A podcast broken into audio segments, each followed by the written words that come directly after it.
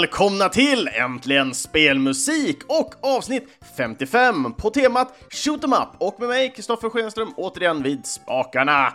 Och eh, ja, vi har laddat upp med lite nya låtar den här veckan på då temat just Shoot 'em Up och just när det gäller temat Shoot 'em Up så tror jag många får liksom olika typer av bilder direkt, men det finns ju även också många olika typer av subgenrer, typ run and gun och de där dylikt som ni känner till kanske. Men jag har försökt att fokusera lite mer på den här gamla klassiska som många tänker på när man väl nämner shoot 'em ups. Så att eh, först ut den här veckan har vi Main Theme ifrån spelet Jets and Guns.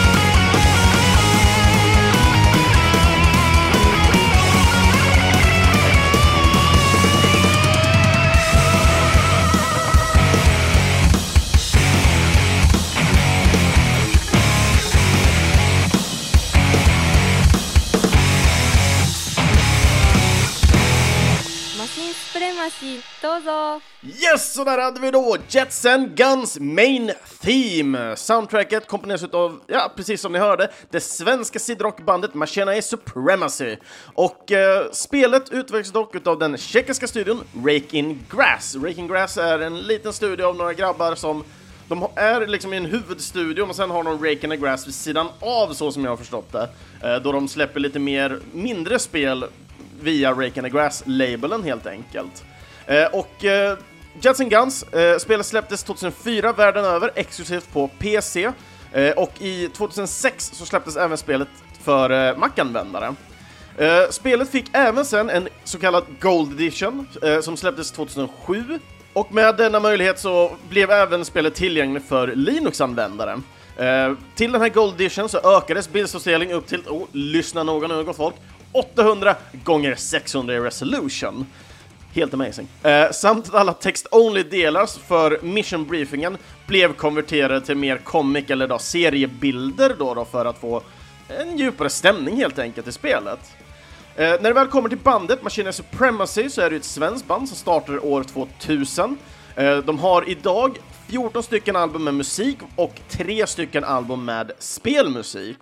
Eh, det är ett band ifrån Luleå eh, och stilen de spelar i beskrivs som att spela halloween-musik genom en eh, Commodore 64. Eh, men musiken i allmänhet kallas för SID-metall, eller metal. Eh, varav SID, det står för Sound Interface Device, eh, och heter egentligen då, då eh, MOS 6581 eller MOS 5, eh, 8580. Eh, och det är ett eh, mikrochip som utvecklades i början utav 1980-talet utav Moss Technologies. Eh, och SID-chippet användes för att då skapa ljud i då Commodore-datorerna på 80-talet. Eh, bland annat till då datorerna C64 och Commodore 128. Eh, men även också till spelkonsolen som, som Commodore gjorde som hette C64 GS, som då fullnamn är Commodore 64 Game System. Eh, en spelkonsol som Commodore försökte helt enkelt förenkla och göra billigare för att då likna ett traditionellt tv-spel i och med att Commodore var från första början främst arbetsdatorer. Eh, och det var just det här chippet då, då SID-chippet som eh, Machine Supremacys SID-station som de använder, som på så sätt skapar deras unika sound helt enkelt. Och när man väl tittar på SID Station, som är ett nytt begrepp som jag inte kände till tidigare, så är det en eh, synthesizer som utvecklades av det svenska företaget Elektron eh, 1998. Annars när du väl går in på själva spelet, Jets and Guns, eh, så innehåller spelet 21 stycken olika banor. Men i och med den nya Gold Editionen så lades till ytterligare 21 banor, alltså spelet blev dubbelt så stort rent banmässigt sett. Eh, de lade till 70 nya fiender och eh, 16 nya bossar då. Också. Och det är, alltså, just när jag hör det här med, med hur mycket de har lagt till och det här, så blir jag så sjukt fascinerad över hur mycket de lagt till och speciellt då med den, den tiden som gick emellan. Det var ju ändå Eh, ett år, eh, nej två år menar jag, eh, emellan. Nej, tre år blir det. Så, ja, 2004, 2007. Eh, tre år emellan liksom eh, Gold Edition och det där, så på tre år så gjorde de så himla mycket nytt content ändå. Eh, och för de som kanske är lite intresserade av Jets and Guns men känner att det kanske inte är så jävla nice att spela på en ny dator idag. Eh, för det första så, fortfarande så går det att köpa Jets and Guns Gold Edition på Steam och jag tror det är på GOG också. Eh, men framför allt så har eh, Raking Grass gått ut med att de kommer göra en Jets and Guns 2. Eh, och går man in på deras Facebook-sida, eh, som jag även kommer länka, så kan man läsa på mer där helt enkelt. Sakta men säkert skulle jag nog säga deras eh, metodik är, och frågan är nu egentligen, nu, nu har de inte gått ut med musik och sådana saker, men skulle det kunna vara möjligt kanske att Machine Supremacy även gör musiken till Jets and Guns 2? Hade varit väldigt fascinerande att höra faktiskt. Speciellt när soundtracket till Jets and Guns 1 är så fruktansvärt bra redan från början. Uh, annars, just Jets and Guns, jag vet att, uh, eller jag vill minnas att jag har pratat lite snabbt om det, men jag har ju bara spelat demovarianten av Jets and Guns uh, när jag var mycket mindre, eller mycket yngre. Eh, och eh, jag har bara glada minnen till det. Det är så, alltså det är så mycket som händer. Liksom. Man kan equippa nya vapen och allting till, eller köpa nya vapen till, till sin farkost och liksom skjuta runt i den här klassiska sidan. Man, man rör sig från vänster till höger liksom. Och bara skjuta sönder och bara blir explosioner överallt och det. Och då, det som är väldigt unikt med det här spelet, i alla fall på den tiden, var just att det var 3D-renderade plan, så det var liksom inga sprites som åkte runt, utan de hade byggt ett plan i 3D så att du får ett väldigt djup eh, när man väl tittar på, på, på det grafiska i det här spelet. Det är mycket som händer hela tiden, mycket effekter och sen när man den här 3D. Det får ett helt annat djup gentemot om man tittar på ett, ett eh, SNES-spel som använder spritesen liksom. Visst, de har ju använt eh, 3D-figurer till vissa spel för att bygga om till sprites, men det, man ser en ganska klar skillnad och det är det jag ändå gillar med det, så att det har en väldigt unik eh, feeling liksom på hur, hur det är som, som spel. Och jag gillar det verkligen, jag. Och just soundtracket gör en ganska stor del, vilket är fruktansvärt bra. Men vi ska inte sitta och snacka om Jets and Guns konstant hela tiden. Uh, Main-themen här uh, var ju fruktansvärt bra. Jag tycker den går riktigt rivigt ut liksom. Och precis som vi har nämnt många gånger tidigare så är det kanske svårt att sitta och lyssna på main themes just för att eh, de används i huvudmenyn helt enkelt. Och eh, man, man, lägger inte ner så mycket tid i huvudmenyn, man tittar kanske möjligtvis options om man har tur ungefär. Uh, utan man sätter igång spelet så snabbt som möjligt liksom, så man får inte njuta av just den här intro. Så att jag kände att det är dags att ge lite credibility till main-themen. Liksom, höja, höja näven och köra liksom. Och, eh, ja, fruktansvärt rivig är den. Fruktansvärt rivig. Eh, och vi har fått lite önskelåtar den här veckan också, och eh, vi tänkte vi, jag går ganska snabbt ut med önskelåtarna den här veckan, eh, så kör vi lite egna låtar på slutet av avsnittet. Så att eh, första önskelåten ut kommer ifrån Louise ifrån eh, Nöjesrummet. Och eh, hon skriver så här, till nästa avsnitt så, har, eh, så är min önskelåt en riktig klassiker. Eh, nämligen introlåten till spelet Delta till Commodore 64. Och det var jätteroligt att vi precis har kört SID-musik innan också. Det tänkte jag faktiskt inte på. Eh, när jag var liten så kändes det alltid värt att ladda kassettbandet med detta spelet. Eh, som också var mitt första shoot em up. Hälsningar Louise. Så att eh, här kommer din önskelåt Louise, Delta med låten Main Theme.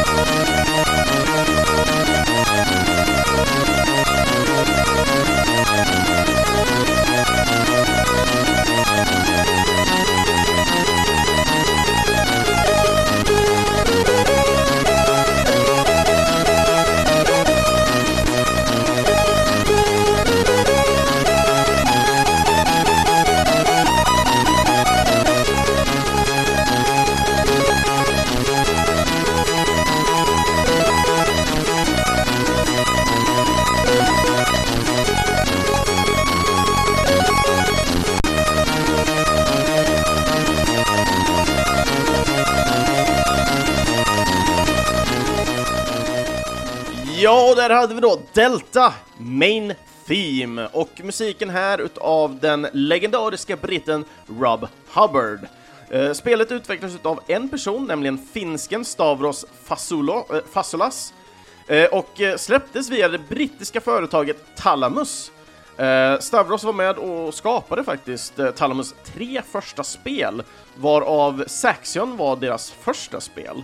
Eh, och det blev även den, det första svenska spelet som såldes internationellt, vilket jag tyckte var väldigt kul att faktiskt eh, hitta. Eh, spelet annars, det släpptes, och då pratar vi om, eh, återgå till Delta. Spelet släpptes 1987 i Europa och USA, på då C64 framförallt. Spelet portades även till Sam Coope och ZX Spectrum 1990. Eh, och spelet har lite alternativa titlar här, eh, varav Delta är själva C64-titeln, eh, men spelet heter Delta Patrol i USA och Delta Charge på ZX Spectrumen och Coop-enheterna.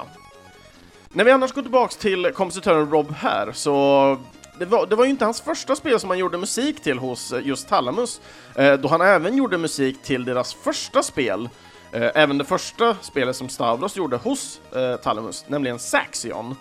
Eh, men eh, det var även många spel innan det som han också då har jobbat professionellt med musik, då han började med den 1985. Eh, och det var just musik till spelet Zoids.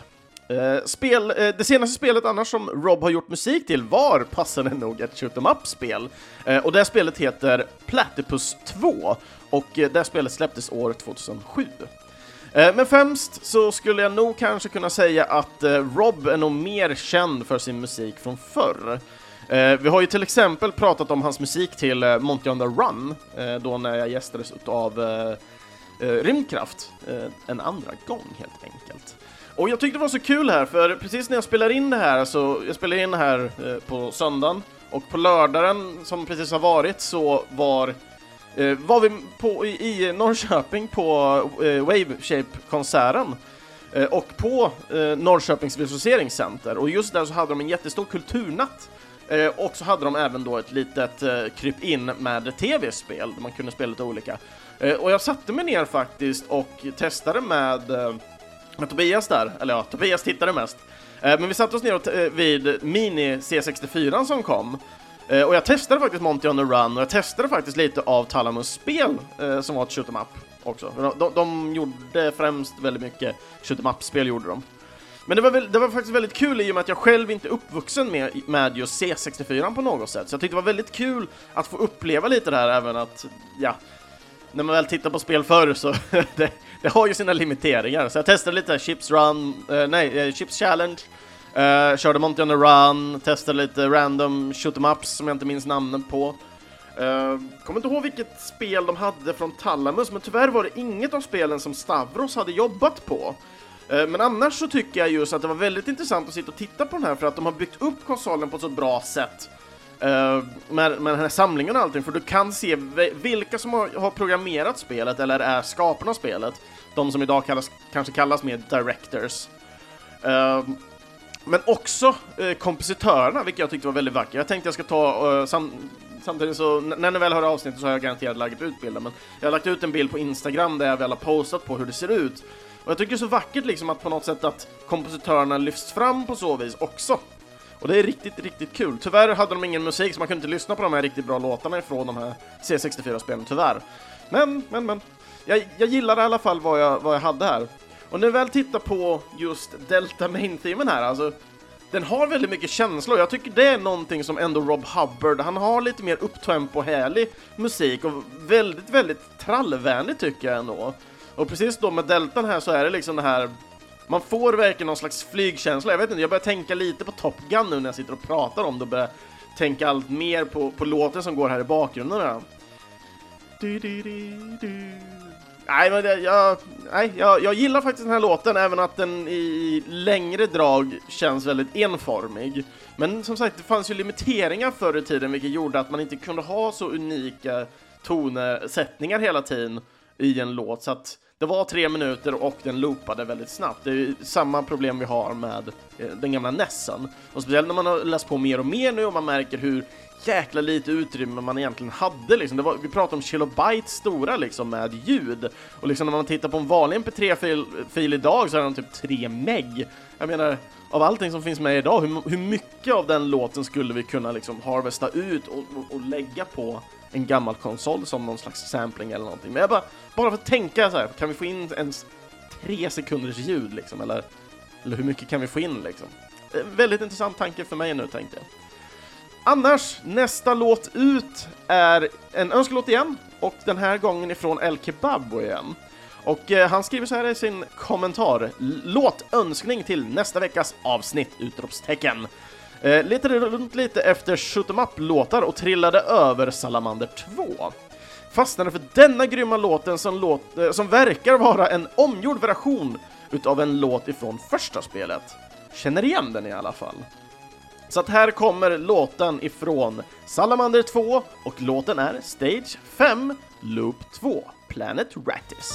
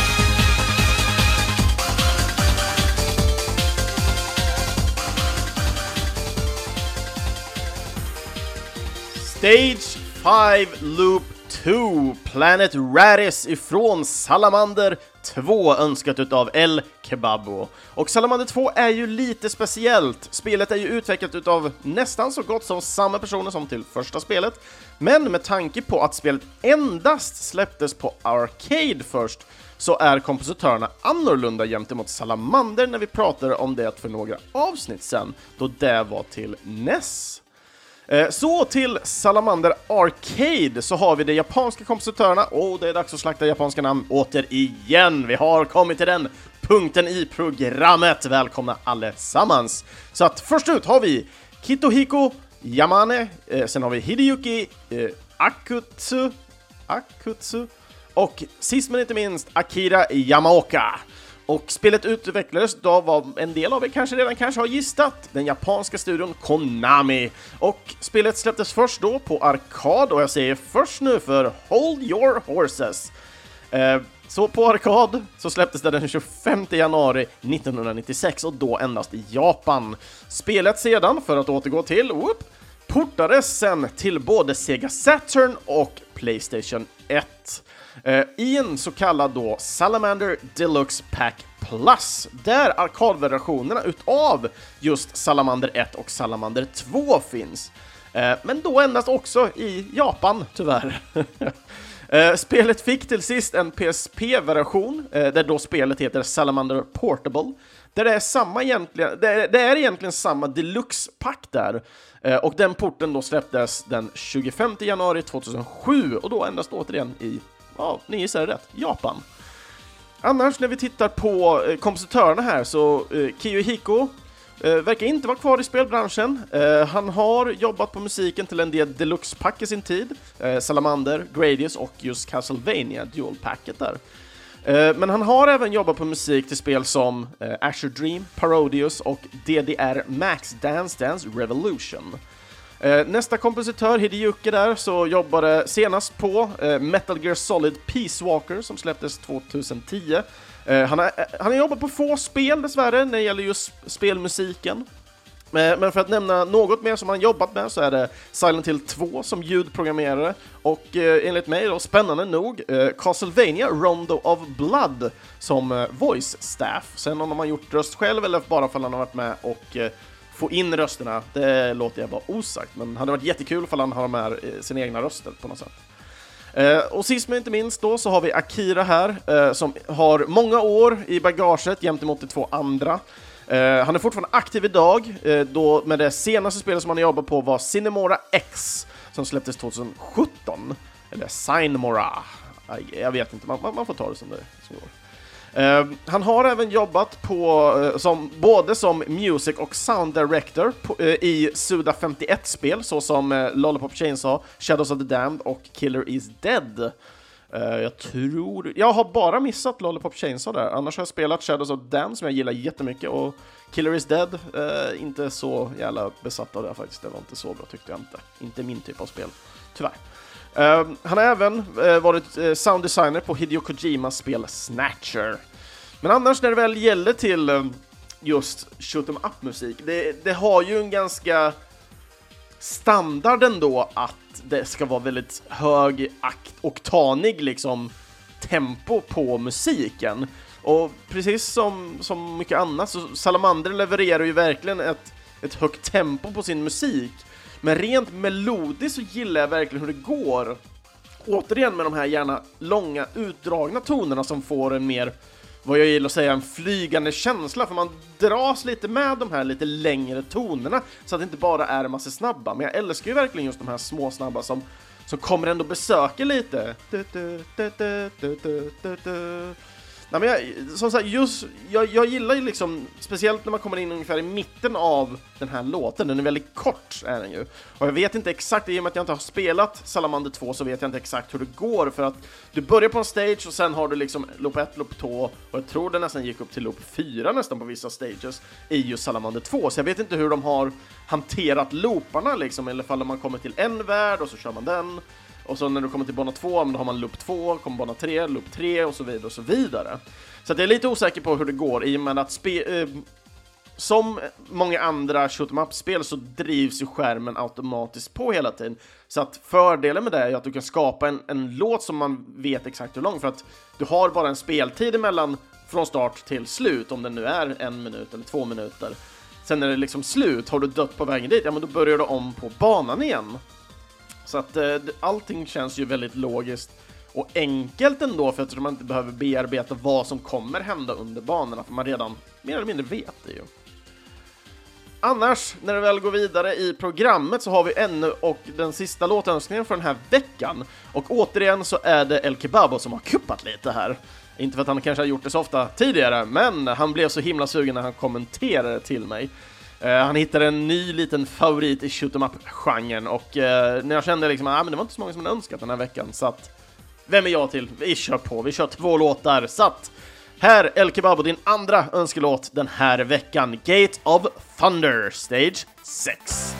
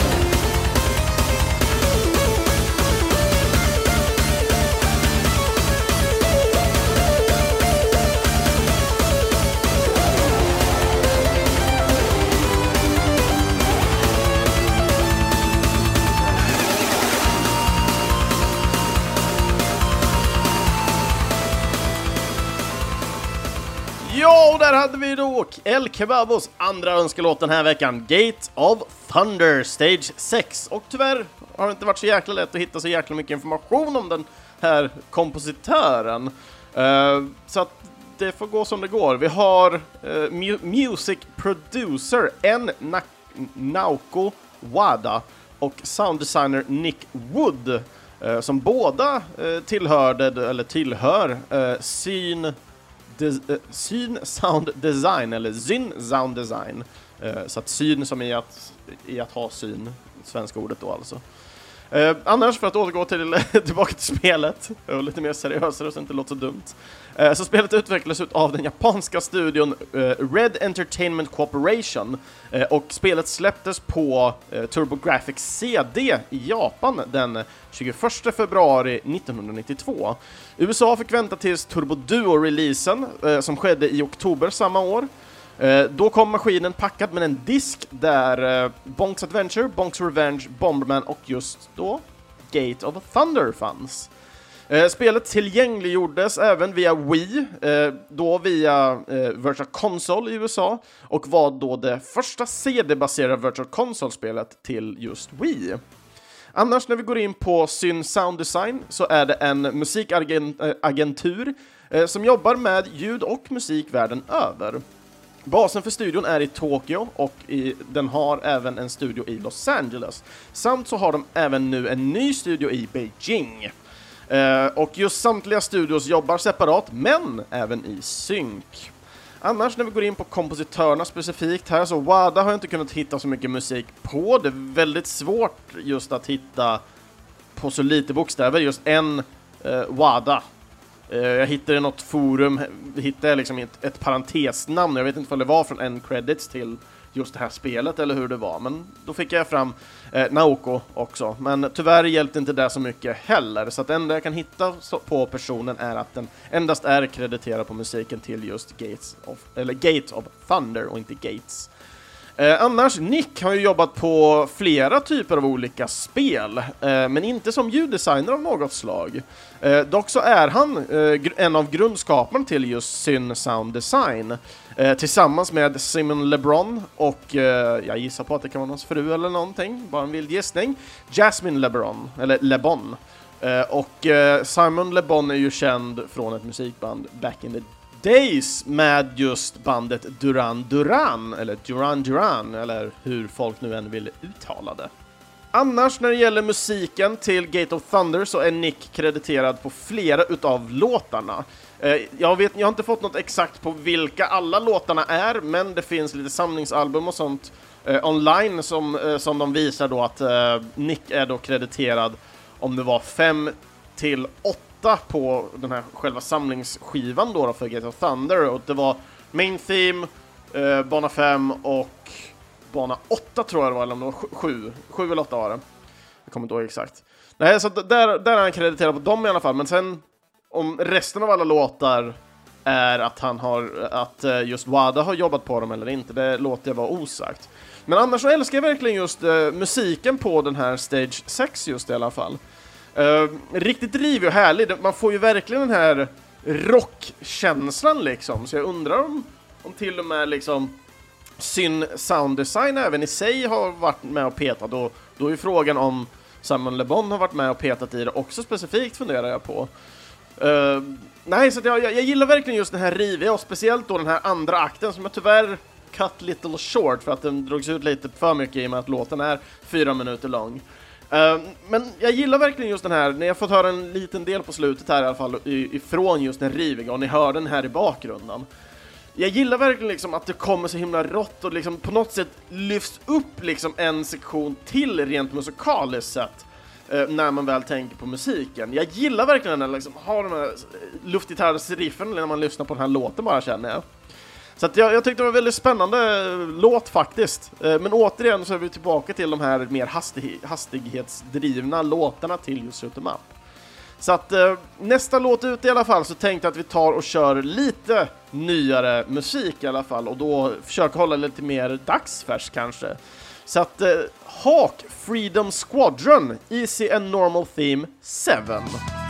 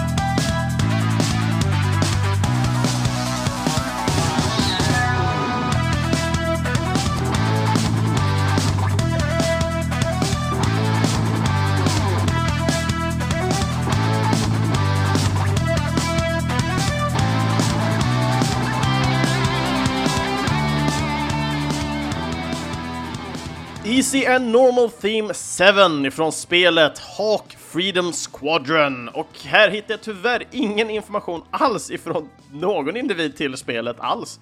Eh, dock det vi vet är att spelet utvecklas utav den internationella studion My.com, B.V. Eh, och då enkel V. Eh, det har högkvarter i Nederländerna och har studios både i USA och Ryssland och sen har de massa olika typer av online-tjänster. Så att man skulle kunna säga att det här företaget på något sätt styr och ställer lite mellan behändig mailaktivitet i Ryssland och annat ryskt som man kan behöva. De hade någon typ chatttjänst som liknades med typ WhatsApp, som jag tolkar det som. Eh, men de har även lagt väldigt mycket pengar på att göra mobilspel. Eh, och just Hawk Freedom Squadron är ett så här gammalt hederligt klassiskt eh, shoot em up där man börjar liksom nerifrån och skärmen liksom scrollas ju så man åker uppåt hela tiden. Eh, och de gör det med en schysst kombination mellan av att kunna spela vanliga banor där man slåss mot eh, enklare fiender som kommer in och allting. Eh, det finns lite olika hinder och sånt på banorna. Men även då bossstrider. Och det här spelet det släpptes på Android den 25 november 2016 och sen då på iOS och för både iPhone och iPad den 18 januari 2017. Och det här spelet har jag spelat relativt mycket ändå. Eh, det är free to play så att det går att bara liksom ladda ner och köra igång. Eh, spelet är baserat så att du har du, du, du, får liksom samla på dig, först för att ha, får du ha ett, ett flygplan, men sen kan du ha så kallade addons som liksom är små robotar som flyger med dig och ger dig extra liksom, skills att använda. Även de skjuter också med vissa typer av mönster, så man kan skjuta missiler, eh, skjuta lasrar och, och gud vet allt. Eh, det finns olika plan som du kan låsa upp i form av att du får kort till dem. Eh, så att du kan få mer coola skepp som tål kanske lite mer, eller skjuter bättre, eller har bättre skills då helt enkelt. Eller kan säga färdigheter, det är väl typ av skills. Eh, men annars så styr man runt det här planet genom att man trycker på skärmen och sen drar man runt sitt finger liksom på det så att eh, liksom Skeppet är inte fast på att det är en viss hastighet liksom och följer ditt finger utan där du drar fingret, där planet kommer vara så att det är liksom din egna fingerfärdigkänsla som, som liksom gör det väldigt speciellt med det här spelet. Och det som jag gillar framförallt med det här är att du kan spela det här spelet med en kompis på en annan telefon. Så man connectar ihop varandra och så kör man en bana som då eh, spelaren väljer helt enkelt. Eller så kan du köra med någon random från, från, sta, eh, liksom från världen någonstans. Eh, och man får lite mer bonusar av det och oftast när man dör så får man tillgång till att antingen återskapa sitt skepp eller, jag för mig du kan återskapa skeppet, eller så betalar du extra av den här energin som du har i form av gas tanks. Eh, och så åker du iväg mm, ifall du har något annat skepp, så kommer det skeppet in och så får du köra vidare liksom. Eh, du har de här klassiska att du kan klicka och så får du en bomb som spränger allting på, på skärmen. Eh, men framförallt då, då så har du mycket av hindren och allting, som du har lasertorn och sånt som finns på vägen, du har ibland saker du kan skjuta sönder, ibland inte saker du kan skjuta sönder. Det finns bonusbanor, du ska plocka massa mynt och åka genom trånga korridorer och allting och den speedar upp snabbare och snabbare, saker händer och det fruktansvärt kul spel faktiskt. Jag har haft jättemycket roligt med det. I och med att det är gratis också så kostar ju ingenting att spela och man hjälper ändå eh, liksom skaparna av det genom att titta på lite reklam och sådana saker. Eller möjligtvis köpa någonting i shoppen.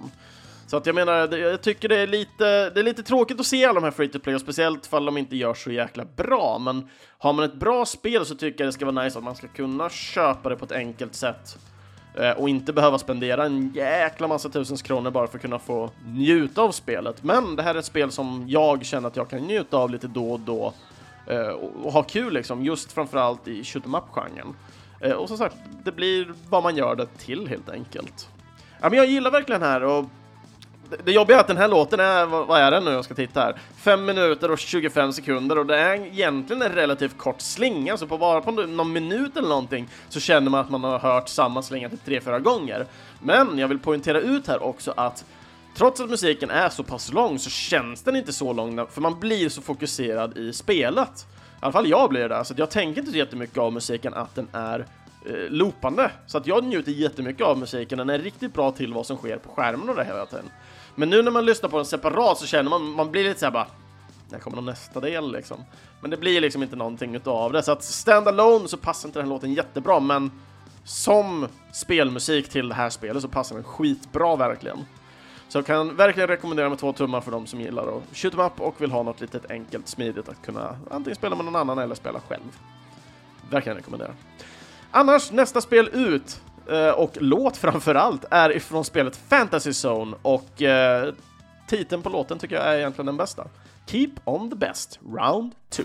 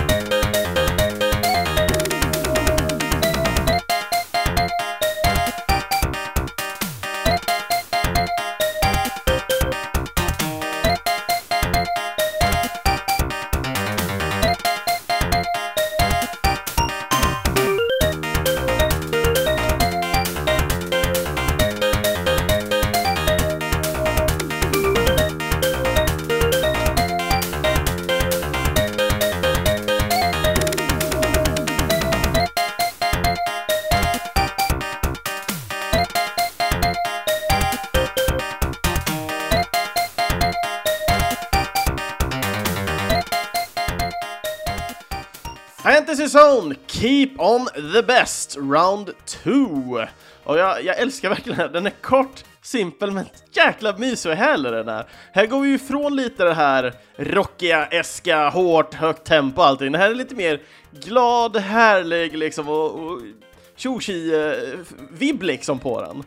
Och eh, kompositörerna till då Sega Master System-låten som vi då just hörde är japanen to Tokuhiko Uabo, krediterad som Noa Toku i spelet. Återigen, dags att slakta lite namn. Jag glömde säga det den här gången, vi får se. Jag, jag ska försöka komma ihåg till nästa låt som också är en japansk låt. Jag vill inte göra er besvikna ju. Eh, annars, eh, spelet är utvecklat av den japanska Sega Enterprises, som idag heter då Sega Games. Eh, spelet släpptes först på arkad den 20 mars i Japan 1986 och släpptes sen till Sega Master System i resten av världen under 1986. Uh, eh, och spelet har sedan dess portats till MSX, NES, Sharp X, uh, 68 000, eh, TurboGrafx 16 och Sega Saturn. Eh, och spelet släpptes även i e-shoppen för Wii och eh, Nintendo 3DS. Och jag tror, om jag minns det rätt nu, att jag har spelat eh, Fantasy Zone på TurboGrafx hemma hos Lenny med videospelsklubben. Så att, eh, vi, jag vill minnas att vi har kört det här flertalet gånger faktiskt på olika, olika videospelskalas helt enkelt. Men det är, det är ett fruktansvärt mysigt, färgglatt och, och, bara superhärligt spel verkligen. Och musiken är verkligen drivande och gör det mycket bättre faktiskt. Så jag kan verkligen just den här Shoshina-feelingen eh, liksom, den hålls verkligen på topp med både grafik och spelmässigt sett. Eh, annars, Tokuhiko eh, jobbade främst med musik till just spel för Sega Master System. Han höll på med mycket av liksom, konverteringen från olika system till eh, Sega Master System. Eh, men hans första kommersiella spel, spel var Space Harrier som kom eh, 1986 och eh, det senaste spelet som han har jobbat på var Sonic Knuckles som släpptes 1994. Och främst är nog eh, Tokuhiko känd för sitt alias som är Bo. Och jag vill minnas att jag har hört det här namnet förr, men jag kände inte igen namnet Tokuhiko Uabo. Men just när jag, hörde, när, när jag läste namnet Bo när jag höll på att researcha till det här avsnittet så ja, det, det slår mig lite tankar att jag har hört det förr och frågan om jag hört det från eh, spelklassikermusik eller ej, det får jag låta nog vara osagt, men det är en känsla av mig som säger det. Ehm, annars uh, så har väl uh, just Bodo hoppat mellan just Sega of Japan och Sega Europe Development-teamet. Eh, han lämnade dock Sega tidigt 2006 och hoppade på ett nytt företag som heter Winlight, eh, som fokuserar då på mobilspel. företaget blev 2012 uppköpta utav ett Singapore-företag Eh, och eh, han och Bo då helt enkelt gick från Director till Managing Director Eh, och idag så lever han och bor då i eh, Singapore, helt enkelt. Men precis som, som jag nämnde tidigare, alltså just låten är väldigt annorlunda gentemot andra shoot em up-låtar som vi har hört idag i alla fall. Men jag älskar verkligen liksom att uh, det ändå kan användas en så bred och olik liksom Eh, ljudbilder till olika typer av uh, shoot em up-spel. Men det är också precis som jag säger, det, nu är ju Fantasy Zone verkligen det här klassiska, man, en, man spelar ju Fantasy Zone med uh, en stor bana, men skärmen kan ju slida upp, ner, höger, vänster liksom, och så ska du klara av banan helt enkelt. Jag vet inte om det var tid eller vad det är, jag kommer inte ihåg exakt nu. Uh, så att det, det är inte klassiskt på så vis gentemot som man kanske tänker sig en klassisk shoot em up just. Eh, men precis som jag nämnde så finns det lite olika också, men precis musiken här så märker man att det finns lite olika med. Uh, som i, i början av avsnittet, i bakgrunden, så hade jag till exempel Pocken Rocky just och sen då Rockys Messenger. Uh, och det är ju ett shoot em up i sig, man springer ju då runt och med karaktären och pressar fram, fram skärmen helt enkelt. Men det är ju fortfarande ett shoot em up i form av att du, alltså, jag tror det viktiga med shoot em up är egentligen just att du har extremt mycket skott liksom, samtidigt som man gör någonting. Eh, så man skjuter dem uppåt helt enkelt, shoot em up. Eh, men som sagt, shoot em up-genren har ju utvecklats och liksom, man skjuter höger, vänster, upp, ner och ibland springer man från vänster till höger som ett kontraspel. Eh, ibland springer du som Pocky och Rocky fram, höger, vänster, upp, ner. Möter bossar i slutet och det. Nej men det, alltså, det finns så jäkla många olika och Shoot em liksom i core-känslan av vad det är idag, liksom, har känts som det har gått mot när man pratar om shoot'em up så kanske man börjar tänka idag på Bullet Hell-spel framför allt. Eh, så att, eh, ja, och där hade jag också några som jag hade velat ha med. De kommer hamna på Discord för lite bubblare och sånt som jag ville ta med. Men annars så är det dags för den sista låten och den här låten går väl lite ihop med temat som vi hade förra veckan. Så att eh, sista låten ut är Jikyo Oshaberi Parodius, The Tokimeki Dance, The Color of every day.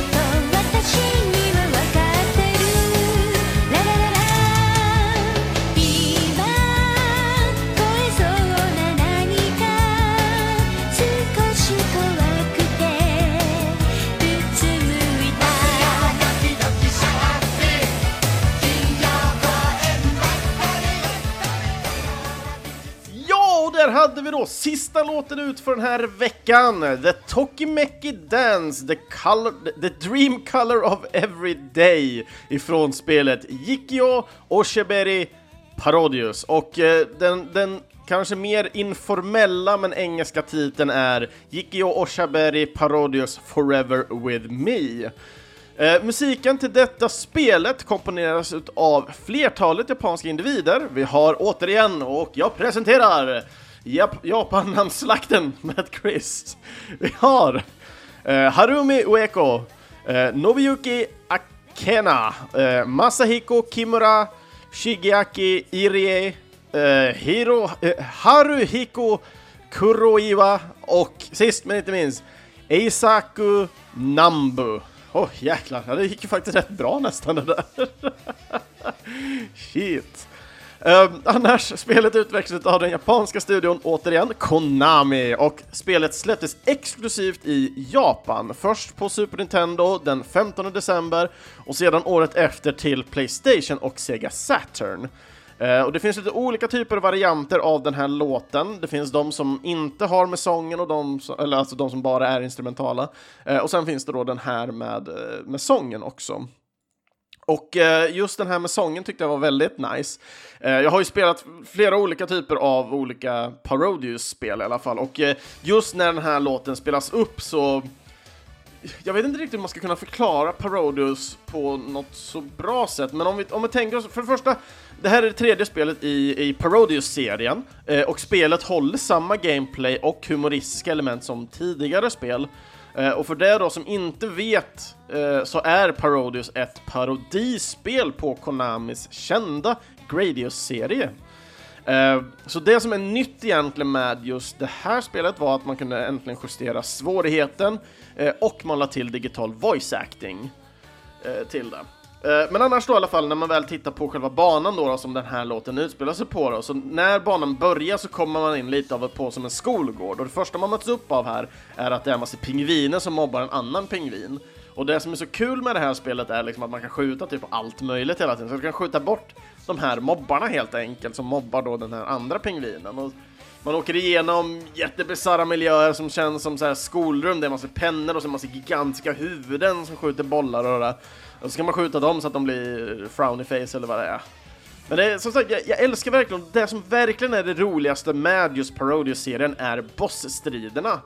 Um, och jag vet inte om det är liknande i de flesta spelen, men det finns till exempel en dansande panda som har liksom en frukthatt och och, där, och sen när han börjar han sjunga i någon mikrofon och det.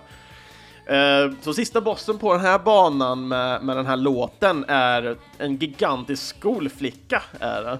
Så antingen så pratar hon eller så, så slänger hon med håret och sådana saker och då gäller det helt enkelt att undvika då allting som hon gör som man inte blir träffad av. Då, eh, och någonting som, som nästan färgsätter parodieserien är att man kan, eh, när man dödar vissa fiender ibland så droppar de, eller spanar, Eh, en pingla eller en ringklocka. Och den här ringklockan kan du skjuta så att den får olika färger och allting. I detta fallet då så boostas den då. då. Och när du kan få olika varianter, jag vet inte, i och med att jag spelat det här mest på japanska så vet jag inte vad det är som händer eller någonting. Eh, men när du väl plockar vissa ibland så kan man få som en megafon som man står och skriker i och all text som man skriker ut då, då som det går bara i en rak linje. Men alla fiender som rör den här texten instant dör verkligen. Eh, jag tittade även på lite hidden levels till det här Parodius-spelet där man även då kan få spela Kid Dracula, eh, som då är känd från Kid Dracula-serien. Eh, andra som man kan spela är Vic Viper som är då huvudskeppet till Gradius. Man kan även spela Pentaro som är ifrån Penguin Quest. Uh, Quest. Eh, men det finns även mycket andra karaktärer som man kan utforska eh, och spela helt enkelt. Och alla kommer med olika typer av eh, jag säga, uppsättningar och power-ups, vilket gör att det blir väldigt starkt och stort omspelningsvärde till det här spelet. Och precis som jag nämnt innan så är bosserna fruktansvärt roliga. Men i alla fall, den här bonusbanan i alla fall, som jag var på att prata om, eh, den är som en racingbana, så man ska liksom flyga upp och ner, men man flyger alltid åt höger på något sätt, men det svåra är liksom hur man ska följa med den här, och så de här små minibossarna hela tiden som man ska slå då, då är som att det kommer in kycklingar som kastar och skjuter olika bollar och missiler och gud vet allt. Så det gäller att besegra dem och sen bara åka vidare hela tiden tills man helt enkelt har kört ett varv. Eh, så att jag, jag gillar verkligen eh, just det här spelet som satan det här är nog ett av mina, kanske ska jag säga, favorit eh, shoot em up-spelen då, någonsin ändå. Det här är ett spel som jag gärna spelar många gånger och det, även om jag vet att det är pissvårt för mig. Men på något sätt så uppskattar jag liksom det musikaliska med eh, serien, men också alla de här olika karaktärerna som man kan testa. Eh, till exempel så finns det ett annat skepp där det är en eh, typ en streckgubbe som står på ett pappersplan och så kastar han, alltså hans bomber som han skjuter ner på marken med, det är egentligen, han kastar ut uh, streckgubbar med, uh, ah, vad heter det, uh, parachutes, uh, ja, uh, fallskärm heter det ju. Och så trillar de ner på marken och sen springer de iväg liksom och, och sprängs. så det finns rätt roliga grejer med, med just det här spelet som man, ja men utforskare skulle jag nog säga. Och sen tyckte jag just den här var så jäkla passande, det är shoot em up och det är sång, så på något sätt så gick det ihop med dagens och föregående. Jag gillar verkligen den här to tonen som den här har. Den ger verkligen tillbaka på någon sån här slags ja, men lite som en sån här Studio Ghibli-film nästan, men också lite tänker jag Silverfang som är en anime-serie som jag gillade jättemycket när jag var yngre. Eh, fortfarande väldigt bra är den. Eh, jag har inte sett klart hela eh, otecknade, eller inte otecknade, men osensurerade. Jag har bara sett hela den censurerade delen. Eh, köper man idag Silverfang så får man ju den osensurerade delen och då är typ varje avsnitt är fortfarande 20 minuter, men det finns fler avsnitt. Jag har ju bara sett den svenska på VHS tidigare och då är det väldigt mycket som är eh, bortklippt. Och jag skulle säga om man tittar på ett 20 minuters avsnitt så är kanske 5 till 7 minuter bortklippta hela tiden Eh, ifrån varje avsnitt. Så det finns väldigt mycket material fortfarande att se och den serien är så mycket mer gruesome. Hur som helst i alla fall, för att återgå till spelet, nu är det jag som har banat iväg på andra saker jag inte borde. Eh, tittar man på kompositörerna här så Harumi eh, började på Konami som ljuddesigner strax innan eh, Gyros släpptes. Eh, det första spelet som hon var med och komponerade till hos, hos Konami just. Eh, det senaste spelet annars var Beatmania IIXD15 DJ Troopers som släpptes 2008 och sen dess så har vi inte hört någonting mer ifrån just Harumi. Eh, något som jag märkte direkt är ju att Harumi har varit med och gjort soundtracket till Teenage Mutant Ninja Turtles, Turtles in Time. Så frågan är om vi har pratat om Harumi tidigare. Jag är lite osäker, eller så kan det vara att vi pratade om någon annan och sen var Harumi med och komponerade där. Jag är lite osäker just nu. Det blir som sagt väldigt mycket kompositörer när man väl eh, sköter ett program som det här, men ibland så blir det lite connection som jag kommer ihåg och, och minns väldigt väl i alla fall. Men annars, nästa kompositör, Masahiko här. Eh, likt eh, Nobiaki, eh, så, ja just det, Nobiaki hoppar ju förbi här. Nobiaki har ju jobbat eh, med musik främst till Gambare Gomon-serien, eh, den här lilla blå ninjan. Eh, och det är ju då från tvåan upp till det femte spelet i serien. Något som jag gillar eh, är ju att Nobuyaki gjorde även musiken till Biker Mice from Mars på Super Nintendo. Eh, senaste spelet Nobuyaki jobbade på var Castlevania, Harmony of Despair, då som är en av eh, musikerna till då det soundtracket. Eh, och sen då, för den som jag råkade hoppa till innan, var Masahiko, likt Jobbenaka, har jobbat på flertalet Gambare Gomon-spel.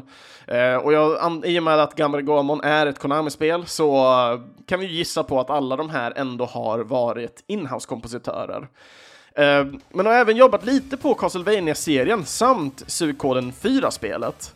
Eh, och det senaste spelet som Masahiko gjorde musik till var till, jo, eh, återigen, japanska titlar. Uh, och det är Yikio Powerful Pro Yakuyu 15 som är ett Power Pro Baseball-spel. Och eh, Shigeraki sen efter det jobbade på lite mindre spel, men jobbade fram till 2006 och då det senaste spelet Rule of Rose. Eh, ett spel som jag inte faktiskt hade koll på alls tidigare. Uh, och sist, men inte minst, nej det är det faktiskt inte alls, det är så jäkla många kompositörer att hålla koll på här. Så att jag måste få mina papper rätt här faktiskt. Så att Haruhiko, uh, liknande där, jobbade inte alls mycket på soundtrack till just spel och det senaste spelet som eh, personen är krediterad på är Samurai Showdown 5 Special Edition som släpptes 2004 och detta var ju då mer eller mindre en liten re-release för att kunna releasa lite mer content. Eh, och nu till den sista som jag höll på att glömma då, då. Sist men inte minst så har vi då Eisaku eh, som endast har varit med och skapat tre stycken soundtrack. Och då har vi Kabuki Clash från 1995, eh, detta Parodius-spelet och sen R-Type Delta ifrån 1998. Och just när det gäller just R-Type Delta så, så, tycker jag det är väldigt komiskt att just det här spelet var någonting jag hittade väldigt lätt när jag höll på att söka massa information till just Delta, eller Delta Patrol som vi pratade om tidigare i programmet. Oh, jäklar! Nej, men som sagt, Parodius, skitbra spel alltså, och fett mycket kompositörer. Jag försökte hitta ett namn på hon som sjunger den här eh, låten också, men tyvärr hittade jag ingenting på det. Så att det var väl det för det här avsnittet helt enkelt. Avsnitt 55 helt enkelt på just temat Shoot 'em Up. Så att eh, andra avsnitt utav eh, Äntligen Spelmusik, ja de hittar ni på videospelsklubben.se eller i era närmsta podcast-app. Ni får gärna följa Äntligen Spelmusik på sociala medier såsom Facebook eller Instagram. Eh, och det, det, är bara att söka Äntligen Spelmusik så hittar ni det där. Och bara att gilla och följa där så hittar fler eh, entusiaster och intresserade av spelmusikprogrammet helt enkelt. Och vill ni nå mig, Kristoffer Schenström, skriv då i kommentarsfälten på antingen videospelsklubben.se, Instagram eller på Facebook. Eller varför inte joina in på Discorden så har vi lite löpande musikdelen där. Det börjar komma igång rätt bra nu faktiskt eh, med några eldsjälar där inne och även på Discorden, det är där jag brukar varje vecka även eh, placera lite bubblare som jag varit så här, ja ah, men ska jag ha med den här avsnittet, ska jag inte ha med den? Ah, men på något sätt så kommer de ändå med så att liksom, det, det finns mer musik att hämta ifrån min erfarenhet helt enkelt, för jag plockar ju oftast väldigt mycket musik eh, ifrån spel helt enkelt som jag själv har spelat på något sätt, eller kunnat uppleva.